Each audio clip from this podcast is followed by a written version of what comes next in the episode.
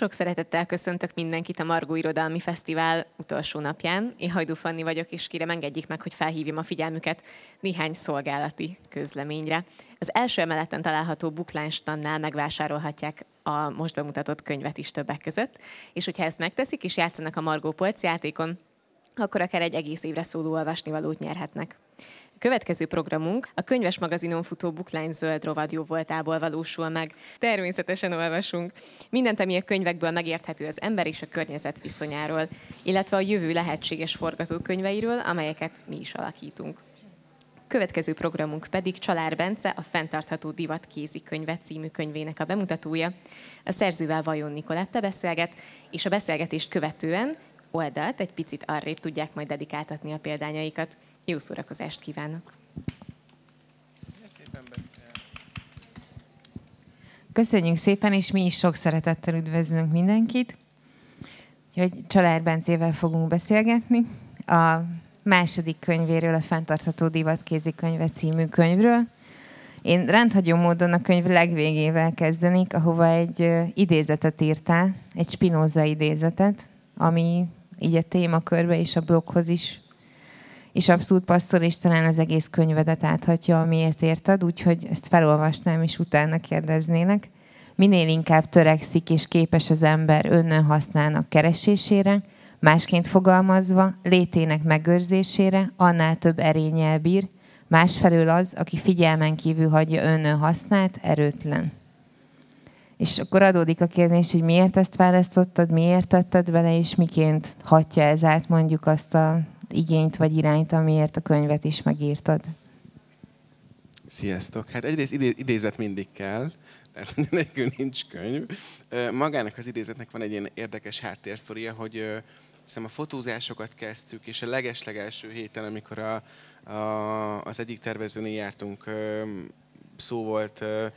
a könyvhöz kapcsolódó gondolatokról, és akkor felmerült az, hogy, hogy ja, hogy ez a gondolat mennyire passzol az egészhez, hogy az ember amint felismeri a lehetőségeit, vagy így a, a, a, a körül, ő, őt körülvevő lehetőségeket, akkor tud igazán ö, döntést hozni és változtatni. És igazából maga ö, már ugye a könyvnek egy ilyen alkotási folyamata volt az, ami ezt egész idézetrészt megszülte. Egyébként úgy van, hogy most aki, aki esetleg már könyvben így ö, belelátott így alkotási folyamatba, hogy ez az idézet egyébként már több helyen volt a könyvben az írási folyamat során, tehát az azt jelenti, hogy... Vándor a... idézet. tehát az van, hogy, hogy volt benne opera is, meg minden, az operát szerintem visszatuszkoltam, hogy a szerkesztővel való izgalmas harcok egyik eredménye az, hogy volt köszönetnyilvánítás, meg, meg elköszönés, meg nem tudom, három ilyen különböző szöveg, és ebből a három különböző szövegből mondta nekem a Szilvi, hogy ebből legyen egy, Úgyhogy ebből lett az, hogy akkor tudtam, hogy mi ez az idézet vagy gondolat, amit szerintem mondjuk egy olvasó szívesen hazavihetne, vagy hazavihetne mondjuk így egy ilyen kis pekicsként, hogy akkor ezt, ezt, ezt segít abban, hogy eldöntsem azt, hogy szeretnék-e változtatni a jelenlegi fogyasztói szokásaimon, vagy sem. Úgyhogy nagyjából ez a sztori az idézetnek, és hát amúgy elég sok idézet van benne, nem, de amúgy én írtam a könyvet, csak, csak nagyon fontos gondolatok vannak tényleg ezzel kapcsolatban, kapcsolatban megfogalmazva. Úgyhogy hát még lesz belőle szerintem egy-két ilyen gondolat. Igen, és nem tudom, aki lá- nem látta még esetleg a könyvet, egyrészt mindenképp nézzem bele, másrészt nem véletlenül kézikönyv a címe, tehát azon túl egyébként, hogy nagyon sok személyes vagy általad írt dolog van benne, ahogy említetted is, nagyon sok olyan tényszerű, akár lexikai dolog, kezdve a végén a fogalomtárral, vagy nagyon sok alapfogalom tisztázásával, ami elengedhetetlen ehhez a témához, és, és egyébként megadódik ebből a kérdés, hogy, hogy milyen kutatómunkát végeztél, vagy mennyi idő volt mondjuk az, hogy megszületett ez a könyv. Nyilván nem pusztán csak a megírása, hanem azt megelőzően rengeteg, rengeteg egyéb feltáró riport vagy munka. Fú, ö, szerintem lehet, hogy onnan is izgalmas kezdeni, vagy érdemes kezdeni, hogy 2020 októberében, pont most két éve egyébként, jött ki az első könnyem angol és magyar kiadásban, ami egy album volt, tehát ez egy robosztusabb, hát kevésbé tasis jellegű dolog volt, ami nem fér be a táskába, vagy ha igen, akkor olyan karizmod van a végére, hogy aztán bedúra minden, minden dolog a karodban. Viszont ugye mivel, hogy ez nem volt egy ilyen kompakt dolog, és valahogy szerintem, hogyha az ember ír egy könyvet, akkor mindig felmerül egy-két olyan kérdéskör, ami tök jó, tök jó, de aztán ugye vagy a szerkesztő kihúzza, vagy azt mondod, hogy ez egy más, más témakör. És már az első könyvem is boncolgatta nyilván az ökotudatos divatnak a, a fogalmát, ugye főképp ha a printáról van szó, ami 2009-ben alapította ugye Magyarozita, és ez egyik legrégebbi lényegében az első magyar fenntartható divatmárka. Tehát ott már erről szó volt, hiszen ahhoz is készült egy fogalomtár, ahol tisztáztam a, a slow fashion és a fenntartható divat fogalmát, és akkor indult el egy gondolatmenet, és viszonylag egyébként hamar, lényegében egy hónappal az, első könyvem megjelenése után kezdtem el ezen dolgozni, ugye a kiadónak prezentáltam a, az ötletet, ö, ö, kaptam karácsonyra egy szerződést hozzá, ugye, anyukám átkötött egy piros szalaggal, úgyhogy nagyon kedves volt. És igazából egy másfél év volt szerintem, ami, ami tényleg ez a nagyon intenzív kutatási folyamat, írás, stb. Ha bár az tény, hogy nagyon más volt mondjuk ennek a könyvnek a megírása olyan tekintetben, hogy még az első tényleg egy ilyen, egy ilyen mm, bezárt közegben, amikor mindenki otthon ült, és tényleg intenzíven koncentráltál, nem volt zaj körülötted. Tehát az volt ugye az a kontextus, amiben elkészült. Addig itt már ugye a pandémia valamelyest lecsendesült, és hogy visszaállt úgymond a régi élet ilyen szempontból, és hát tényleg az, hogy mindenhonnan kérdeztek, mondtak, nem tudom, és emlékszem, az utolsó egy hónapban volt ez, hogy jó, akkor én most elmennék vidékre, ha nem gond, mert így nem fogom tudni leadni, és akkor tényleg az volt, utolsó egy hónapban lementem vidékre a gyerekkori szobámba, és akkor, mint, tehát hogy megvolt minden gondolat, amit le akarok írni, de ott írtam meg tényleg egy hónap alatt így zömében az egész lényegi részét a könyvnek, mert, mert ott láttam azt, hogy csend van, koncentrálok, és tudom azt, hogy mi mihez csatlakozik, és hogy lehet szépen felfűzni. Igen, és ez egy nagyon komplex könyv abból a szempontból is, hogy tényleg egyszerre tartalmazza azt, hogy átlássuk ezt a fenntartható divat, vagy alapvetően a divatvilágot, de arra is megoldásokat adsz, vagy tanácsokat, hogy egyéni szinten a saját életünkben mondjuk ebből a nagy halmazból mi az, amit át tudunk, vagy fel tudunk venni és itt egy kicsit személyes kérdés jön, hogy amíg mondjuk ezt készítetted, vagy egyre inkább belástad magad, voltak olyan változások az életedben, vagy a fogyasztói szokásaidban, ami ennek hatására változott a könyvnél? Vagy a könyvből?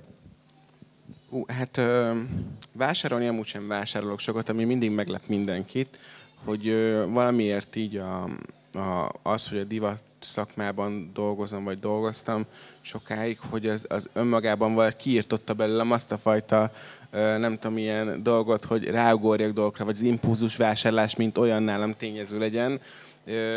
Inkább a sztorikat keresem, és ha van valami olyan, ami, ami sztoriában, vagy történetében, vagy, vagy elkészítés folyamatában foglalkoztat, vagy érdekel, akkor az, ami mondjuk így meg tud győzni arról, hogy nekem erre szükségem van valójában. De, de nagyon érdekes, mert én azt gondolom, hogy, hogy ami nekem a legérdekesebb, és egyúttal a leg, nem tudom, legnagyobb változás hozó dolog volt, ez mindenképp például, amikor az ember a, az anyagismeretnél mondjuk a mosási technikákat, az alternatívákat taglalja, és hogy, hogy mi az, amit én mondjuk úgy érzem, hogy azt az illatot, amit tényleg egy öblítő mondjuk vissza tud adni egy mosás után, mi ez az alternatíva, természetes alternatíva, ami mondjuk ezt helyettesíteni tudja. Tehát nekem ez a kísérletezgetés, ez nagyon tetszett, és, és nyilván úgy az ember meg is találja azt, ami, ami számára legoptimálisabb, meg az ő életében fenntartható, igen, ez egy tök fontos dolog, hogy a fenntarthatósággal kapcsolatban, vagy a fenntartható divattal kapcsolatban, ugye az is fontos, hogy, hogy egy olyan módszert válaszunk, vagy egy olyan megoldás, vagy alternatívát, ami, ami hosszú távon fenntartható az életünkben, illeszkedik kvázi az életritmusunkhoz, és én is ezt tettem így a könyvírása során a különböző fejezetek kapcsán, főleg ugye a mosásról szóló részben. Igen, és a te azon szerzők közé tartozol, akik abszolút figyelnek a könyvre megjelenés után, tehát, hogy nagyon sok turnéd van idézőjelben, vagy nagyon sok helyen beszélsz a könyvről, vagy, vagy igyekszel megmutatni gyakorlatban is a tartalmát, köztük egyébként kiemelten így a fiatal korosztálynak. Nyilván találkozol velük sokat, tehát akár gimnazistákkal, középiskolásokkal, hogy mi a tapasztalatod mondjuk kor alapján valamelyik korosztály nyitottabb, vagy mennyire veszik föl, mennyire kérdeznek? Igen, én egy ilyen predátorként, vagy én ragadozóként így nyomom a könyvet, miután kijött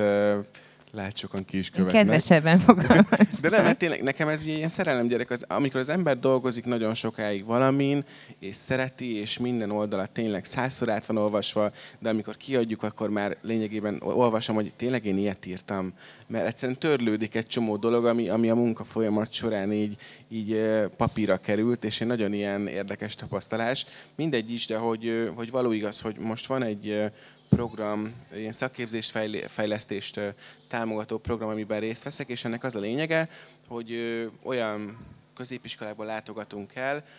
a Startup Academy-vel, ahol lényegében olyan fiatalokkal találkozom, akik ebben a szakmában szeretnének elhelyezkedni. Azt jelenti, hogy mondjuk varrónő szeretne lenni, vagy, vagy tényleg szabász, modellező, stb. És igazából azt próbáljuk egy picit népszerűbbé tenni, hogy mennyire nagy a felelősségük, vagy mennyire nagy a lehetőség számukra ezen a területen. Mert ha belegondolunk, én azt láttam vidéken legalábbis, hogy egy szakközépiskolában tök szomorú, hogy, hogy eleve úgy állnak sokszor a diákokhoz, hogy, hogy te azért jöttél szakközépbe, mert hogy róla nem mondott a társadalom. Mert hogy, hogyha gimis vagy, akkor te okosabb vagy, mint a szakközépes, mert ugye csak szakmát tanul, holott valljuk be, ha fodrásznak tanultam volna, peregne a lóvé. Tehát, hogy, hogy valahol az van, hogy, hogy tök jó visszaadni a hitet egy kicsit az Z-generációnak ezzel kapcsolatban, és nem mindig úgy beszélni velük, pláne egy szakközében, mintha lemondott volna róluk valaki, hanem pont a lehetőséget hangsúlyozni. És van egy ilyen konkrét előadásom, amit számukra szoktam így összeállítani, így fenntartható divat meg a könyv kapcsán, és ott kifejezetten azokat a pontokat hangsúlyozom, ami, ami tudom, hogy jobban érdekli őket. Eleve kortárs példákat hozok, ha mondjuk a fast fashionnek a, a rendszerét próbálom érzékeltetni, akkor azt mondom, hogy tegyük fel, itt van a Billie Eilish, és akkor mondjuk felvesz egy szakadt pulóvert, ami rohadt jól néz ki, de egy 4000 dolláros Balenciaga, akkor mondjuk a fast fashion lényegében azt csinálja, hogy ezt 12 napon belül, onnantól kezdve, hogy megláttuk a neten, legyártja olcsó minőségben, úgy, hogy megcsinálja Bangladesben, az elszállítják Spanyolországba, utána vissza egy másik országba, tehát lényegében el tudom nekik ilyen példákon magyarázni azt, hogy, hogy mi a probléma az egész rendszerrel, és a másik meg az, hogy, hogy nagyon imádják, mindig is sorbálnak a, az előadás után, hogy, hogy mi volt az az applikáció, amit említettél, mert van egy ilyen applikáció, ez a Good on You applikáció, aminek az a lényege, hogy rangsorolj egy ötös skálán, hogy az a márka, amit te viselsz, vagy ami iránt érdeklődsz, az mennyire fenntartható, etikus. És ugye itt szóba kerül az is, hogy mondjuk a fenntartható divat az ugye nem csak abból áll, hogy az H&M-ben egy biopamut pólót megveszel, hanem abból is, hogy mondjuk az milyen körülmények között készült, mennyire transzparens mondjuk a gyártása, és ugye pont ezt vizsgálja ez az oldal is, ez az, az applikáció, hogy, hogy mennyire fizetik meg akár az adott szakembereket, milyen körülmények között dolgoznak, úgyhogy tényleg azt látom, hogy a, hogy a fiatalok tökre nyitottak erre. Olyan szempontból könnyebb egyébként, hogy van egy 16 éves hugom, én ugye 31 vagyok, úgyhogy pont lényegében 15 voltam, amikor megszületett, úgyhogy tényleg fele annyi idős, mint én, és, és látom nála azt, hogy, hogy a fiatalok mennyire nyitottabbak mondjuk a second hand, tehát mondjuk a másodkézből származó divatcikkek iránt, ami egy rohadt jó dolog, mert emlékszem, amikor én voltam tínédzser, akkor ciki volt turizni, vagy nem is azt éreztették velem, hogy ciki turizni. Az más kérdés, hogy bénán csináltam, de hogy, hogy, hogy ne, ne valakinek van érzéke hozzá, valakinek meg nincs. Úgyhogy igazából ennyi tényleg, hogy azt látom, az generáció az ilyen nagyon erős véleménnyel van dolgokról, Nyilván vannak a ilyen hiperkonsumerek, akik mindent megvesznek, és semmi sem elég, de, de azt gondolom, én abban bízom, hogy például a jövőben ezek a fiatalok mondjuk olyan vezetői pozícióba kerülnek, hogy mondjuk döntést tudnak hozni arról, hogy mondjuk egy, egy cég, akár egy multinacionális cég mondjuk milyen törekvéseket tegyen egy fenntarthatósági projektben.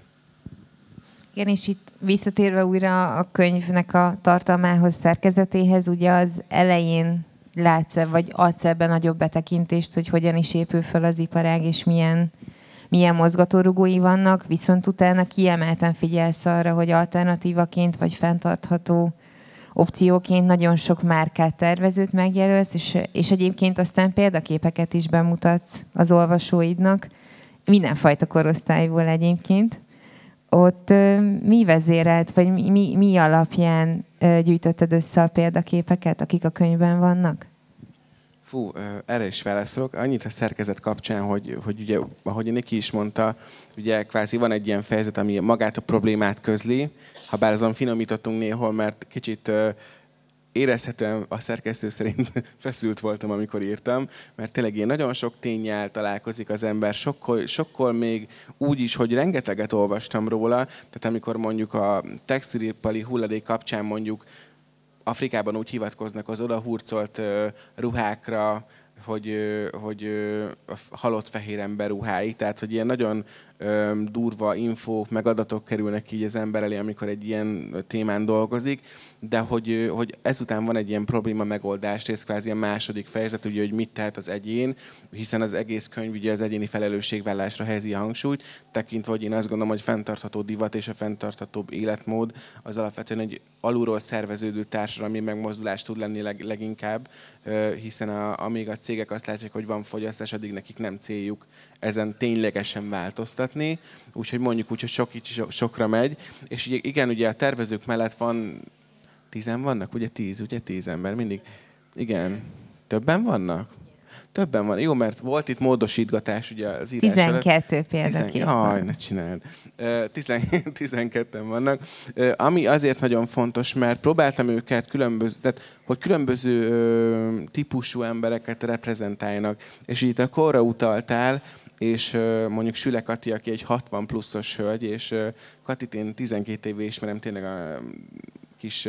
zigóta voltam, amikor én a Katival először találkoztam, de már akkor, akkor is ilyen nagyon izgalmas jelenség volt. És azért gondoltam, hogy jó, ha a Kati például 60 pluszosan, és mint divatrajongó, és kreatív divatrajongó, aki átalakít, újraértelmez ruhákat, de nem vásárol sokat típusú emberben mutatom, mert hogy egyrészt mennyire jó azt szerintem, hogy, hogy végre ö, nem azt kommunikálja a társadalom, hogy egy 60 pluszos nőnek láthatatlannak kell lennie, ez nagyon fontos mert hogy bárhogy is nézzük egy idősebb szemén, én azt láttam, hogy azt érzékeli, hogy a társadalom részéről már nem fontos, nem tényező, és ezen tök jó lenne változtatni. A másik pedig az, hogy, hogy tényleg, hogy mennyi dolgot át tudsz alakítani, akár ha másodkézből beszerzett tényleg egy,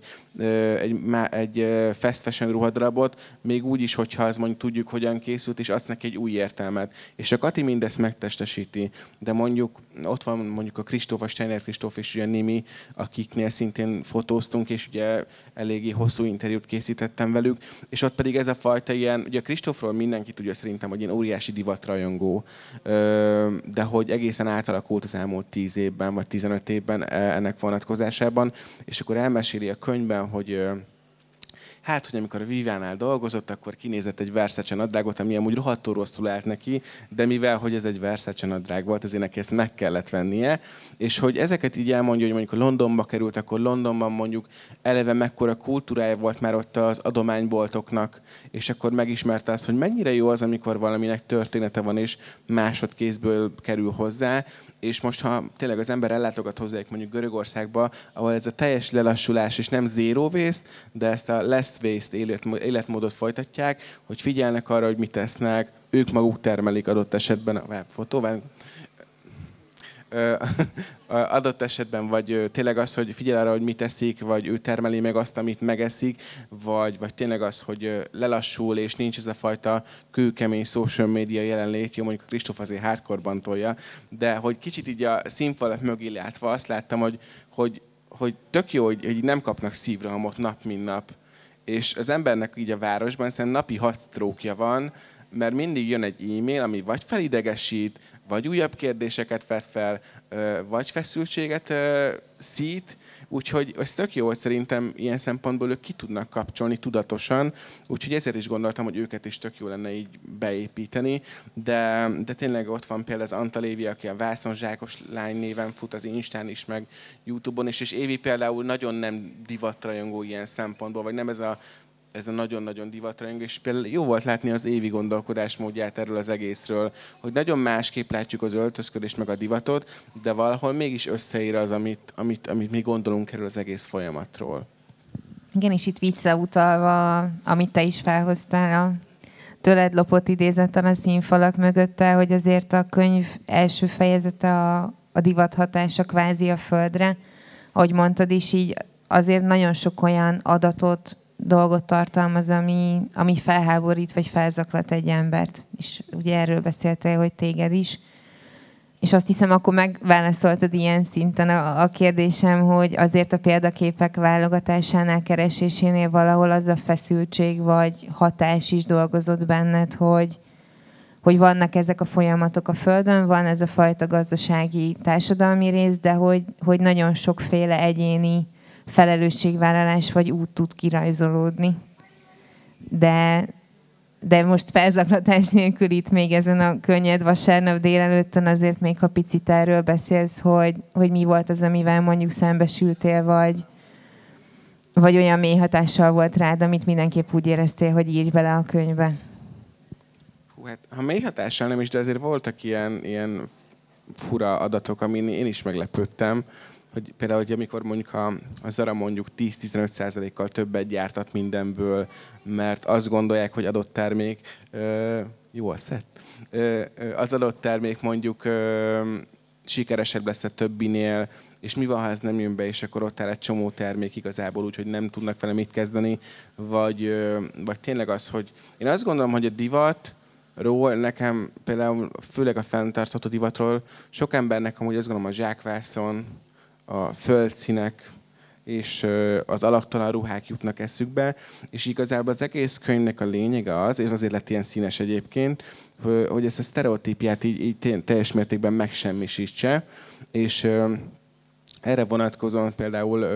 jó volt látni azt, hogy mondjuk pont, hogy eléri a könyv a célját, hogy ezeket a felismeréseket meghozza mondjuk egy olvasónál, hogy ja, én azt gondoltam, hogyha én hogyha mondjuk én tudatosan akarok költözködni, akkor nekem csak földszínekben szabad öltözködnöm, vagy csak olyanokat szabad megvennem. Úgyhogy például ez egy abszolút egy ilyen, egy ilyen érdekes tapasztalás volt, de ez nyilván már a könyvnek egy ilyen,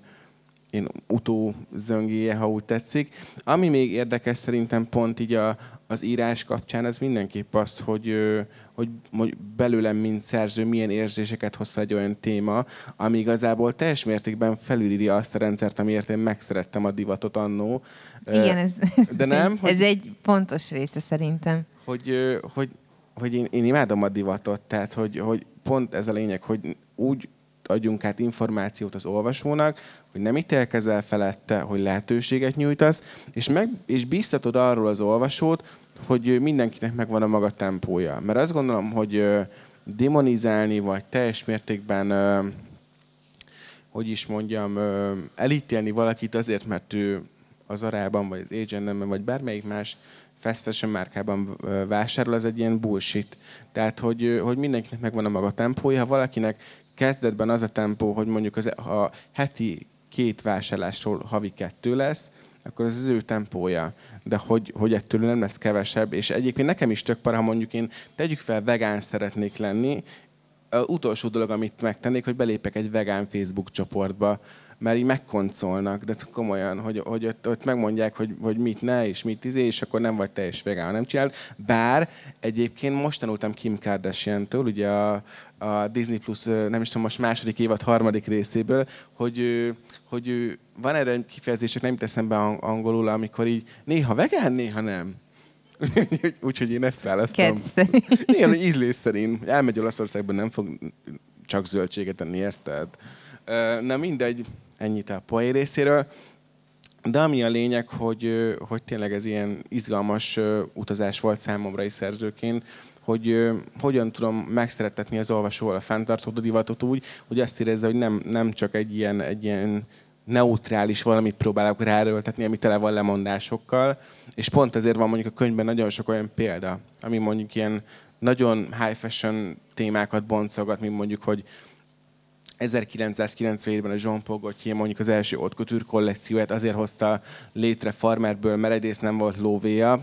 és arra számított, hogy a Galliano helyett őt nevezik ki a Diornak az élére, mint, mint tervező, másrészt pedig a reciklált farmer, amit felhasznált, az mindenképpen innovatív anyag használt volt mondjuk egy magas szabászati kollekciónál. Tehát, hogy ezek ilyen érdekes infók, és, és tudod azt, hogy, hogy az embernek így közelebb hozza a, a divatról alapvetően elképzelt képéhez a fenntartható divat fogalmát, vagy annak a rendszerét, vagy mondjuk, ha megnézzük a vörös eseményeket, mindenki azt látta, hogy mondjuk hogy Angelina, Angelina Jolie-nak mondjuk a kisebbik lánya egy, egy ugyanolyan, vagy ugyanabban az Eliszáb ruhában ment a, az örökkévalók vörös szőnyeges eseményére, amiben a, az édesanyja volt mondjuk egy pár évvel ezelőtt. Ezek ilyen tök jó visszautalások, hogy Hollywoodban is egyébként nem ciki mondjuk ilyen outfit repeaternek lenni, hogy ismétled azt a szettet, amiben voltál, hanem, hanem, hanem ez egy jó dolog, hogy sztorítat hozzá, többletet tesz hozzá ruhának a történetéhez, és ami még fontos, nekem ez egyik kedvencem pont az ilyen, a Rita Moreno-nak volt 1968 körül, most hirtelen nem emlékszem, amikor megnyerte a West Side Storyért a legjobb női mellékszereplőnek járó Oscar díjat, és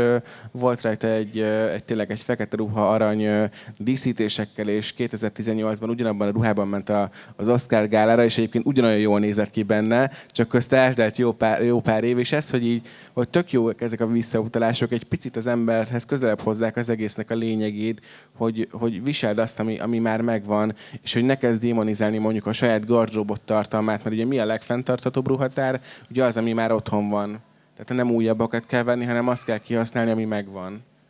De egyébként ez talán az egyik, sok, a sok közül, de az egyik legnagyobb előnye szerintem, és, és olyan tényleg közeli és természetessé hozza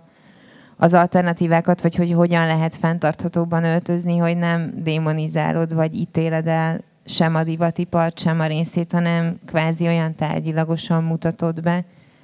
és azt is valahol egy ilyen kedvesen, vagy, vagy ilyen olvasóbarátan mutatod be, hogy hogyan tud mindenki lépésről lépésre változtatni. Amit én egyébként gyakorlatban is láttam, tényleg, ha itt most visszautalunk a generációkra, hogy az egyik beszélgetésednél ott volt a 60 pluszos keresztanyukám, aki ezekből a szavakból semmit, de semmit nem ismer. Viszont ahogy a Bence beszélt róla, és megmutatta azt, hogy mondjuk miként lehet egyénileg, vagy, vagy tényleg a mindennapi gyakorlatban változtatni, tudott nála változást elidézni egy, egy tényleg egy 60 perces beszélgetés, ahol picit be, megmutattad azt, hogy ez hogyan, hogyan működik, vagy hogyan lehet megfogni, úgyhogy most már vég, vég, vég, mindjárt végzünk az idővel, de még egy néhány kérdés arról, amit tehet az egyén, ami, ami a könyvben is egy fejezet, hogy kiknek ajánlod a könyvet? Aki most kezd el ezzel ismerkedni, vagy, vagy picit így rendet rakna a fejében? Hú, szerintem is is. Tehát, hogy azért nagyon fontos ez, mert amikor írtam, az mindenképp egy ilyen nagyon fontos szempont volt, hogy ne egy olyan könyv legyen, aminek a tartalmát tényleg egy egy Google kereséssel eléred, hanem tényleg legyen benne olyan kutatás, aminek utána megyek úgy, hogy valóban többletet ad mondjuk egy olvasónak. És pont amit mondtál is, hogy mondjuk itt van egy ilyen beszélgetés is, pont a múlt heti Balsgyarmati könyvbemutatónál volt ez, hogy azt éreztem a beszélgetés alatt, hogy tényleg ott van, mit tudom, száz ember, és lényegében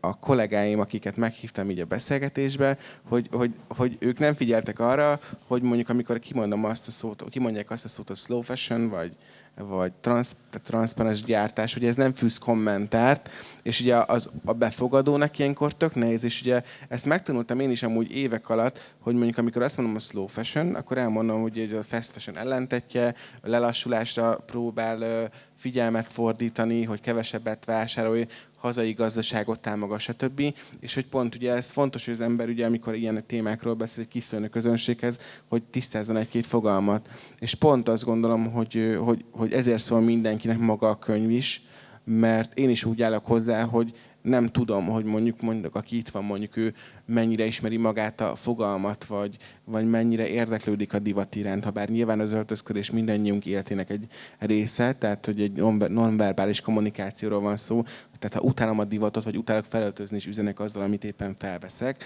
Úgyhogy én azt gondolom, hogy pont azért jó, mert segít annak, aki csak érleli a gondolatát. Ugye úgy kezdődik a második fejezet a másik Kittivel, hogy fejben dől el minden, és Kittivel arról beszélgettünk, hogy, hogy tényleg, hogy ahhoz, hogy változtas, ez olyan, mint egy diéta, hogyha, hogyha gyorsan akarsz célt elérni, akkor nem fog működni, mert nem fenntartható az a rendszer, amiben próbáld magad beszuszakolni, mert hogy drasztikus ahhoz az életmódhoz képest, amit korábban folytattál. Na most, ha szépen lassan a te tempódban csinálod mindezt, úgy, hogy közben figyelsz arra, hogy ne befolyásoljanak mondjuk akár mondjuk egy, egy munkahelyen azok az emberek, akik mondjuk röhögnek azon, mert te nem tudom, hordozható palacban viszed be a tádat vagy a kávédat a munkahelyedre, és hogy fú, milyen zöld vagy, meg röhörésznek, meg nem tudom, hogy ezeket neved magadra, hanem mondjuk ez pont pont egy ilyen pozitívumként éld meg, hogy ma is tettem valamit azért, hogy egy picit másképp éljek. Úgyhogy ezek ilyen fontos dolgok. Eszter barátnőm például fönt hátul. Minden bemutatom, meg szoktam szólítani, hogy kellemetlen helyzetbe hozzam. Ez így megy évek óta. Imádja. Például pont múltkor, hogy nála voltam, érdekes volt, hogy, hogy van neki két ilyen hordozható palack, palackja, az egyik az bent van a munkahelyén, hogyha otthon hagyná, az egyik meg otthon, amikor így utazik meg, stb. És hogy meg is lepődtem, hogy milyen kis tudatos lett ugye így a, a, a hosszú kis utazásunk után, hiszen 20 x éve ismerjük egymást, hogy tökre örültem neki. Úgyhogy azt gondolom, hogy, hogy mindenkinek van benne olyan gondolat, morzsa, vagy ötlet, amit fel tud használni mondjuk így a hétköznapokban, vagy ahhoz, hogy egyáltalán elkezd, elkezdje foglalkoztatni jobban a téma. Köszönöm. És akkor szólítsuk is meg a közönséget, mert biztos, hogy nem, nem beszéltünk mindenről, ami érdekes lehet, úgyhogy ha bárkinek van Bencéhez kérdése, akkor nyugodtan oh. tegyék fel. Akkor nem kell megszólítanom Esztert.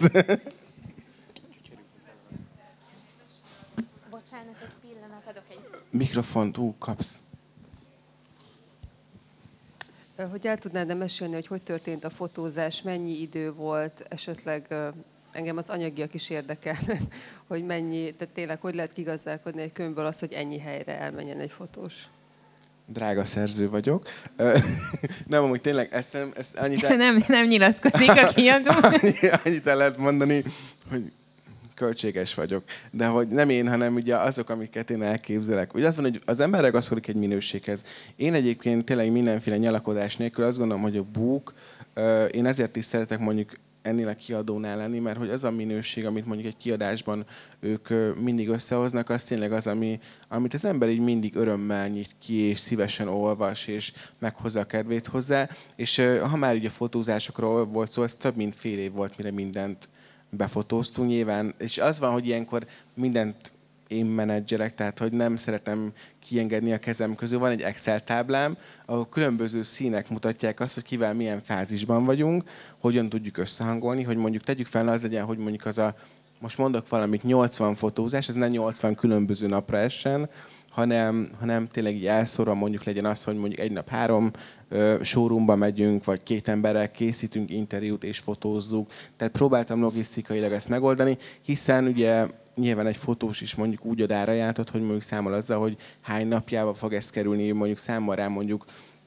a hat hónap alatt, mondjuk két hónapot így elszórva, amikor ténylegesen ezen dolgozunk, plusz retús, stb. De, de mondjuk egy ilyen könyvnél szerintem, ahol ilyen, ennyire számít az, hogy egy egyedi vizuális anyagot hozzunk létre, és ne, ne egy Pinterest képválogatás kerüljön be, az hát pláne manapság a könyvkiadásban soha, soha sem lesz olcsó. Úgyhogy én ezt mindig is szoktam hangsúlyozni, nagyon hálás vagyok a kiadómnak emiatt, hogy, hogy tényleg, ha mondjuk kitalálom azt, hogy mondjuk a Green Guide-dal szeretnék mondjuk egy fenntartható divat térképet csinálni az előzékre, meg a hátulzékre, mert én azt gondolom, hogy egy ilyen könyvnek az a célja, hogy már amikor kinyitod a legelső oldalon, Mutatom az előzéknél, hogy ez is hasznos legyen, hogy használjuk ki ezeket a lehetőségeket. És akkor a Green Guide-os csapattal tök jól összehoztuk ezt, és nem mondta ezt a kiadó figyelj, hogy ez nem fog beleférni, hanem azt mondták, hogy milyen rohadt jó ötlet. Meg eleve azt gondolom, hogy ha már van egy ilyen fiatal csapat, akik ilyennel foglalkoznak, akkor ne hozzunk létre egy hasonló térképet, hanem akkor kicsit ez az egységben az erő jelleggel közelítsük meg a témát. Én egyébként nagyon szerencsés voltam olyan szempontból pont a fotós kapcsán, hogy ö, nekem nagyon-nagyon jó barátom lett a fotós. Egy nagyon fotó, volt egy fotós cserénk az elején, és képzeld el, hogy ö, ez egyik legjobb barátom lett a fotós ezúttal, hogy érdekes, hogy mit hoz az élet, hogy, hogy előtte csak így távolról láttuk egymást mindig, és ezóta meg így nagyon-nagyon jóban vagyunk, és hogy nagyon hálás vagyok azért, hogy ezen a könyvben vele dolgozhattam.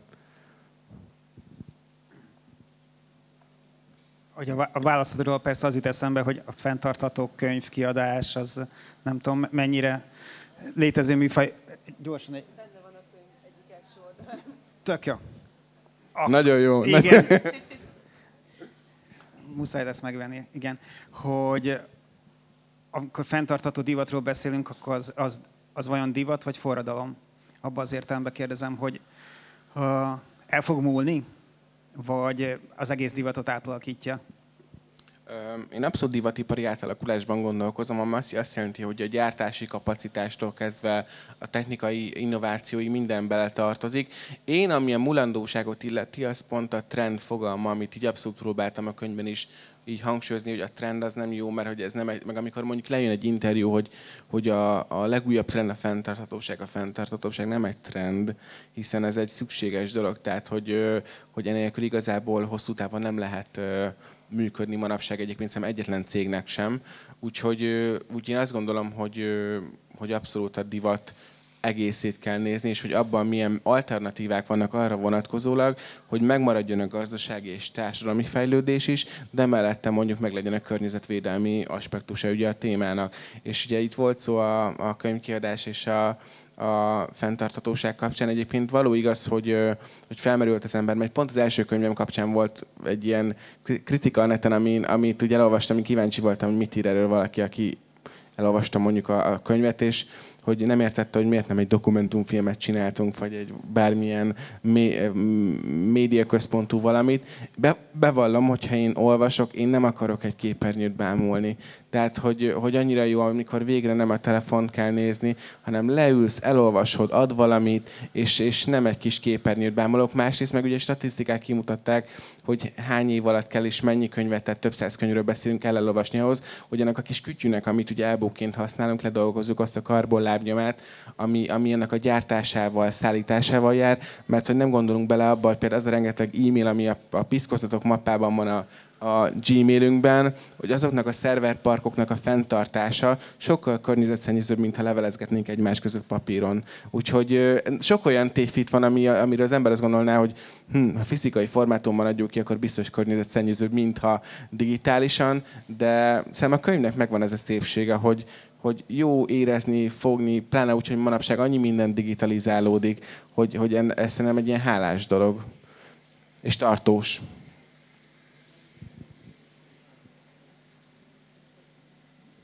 Valakinek esetleg van-e még kérdése?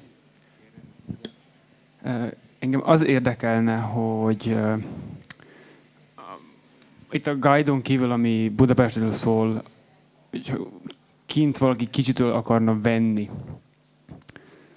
hogy döntheti el, hogy esetleg az fenntartható? Tehát láttam már több üzletet, ahol ők maguk készítik mondjuk a mintát, ilyen egyedi darab, de hogy a nyerség, amivel dolgoznak. De szaki valószínűleg megfogja, kitapintja azt ott, de ez, ezen kívül esetleg jó tanács, amivel én el tudnék vinni, és picit segítene eligazodni ebben a világban. Fú, um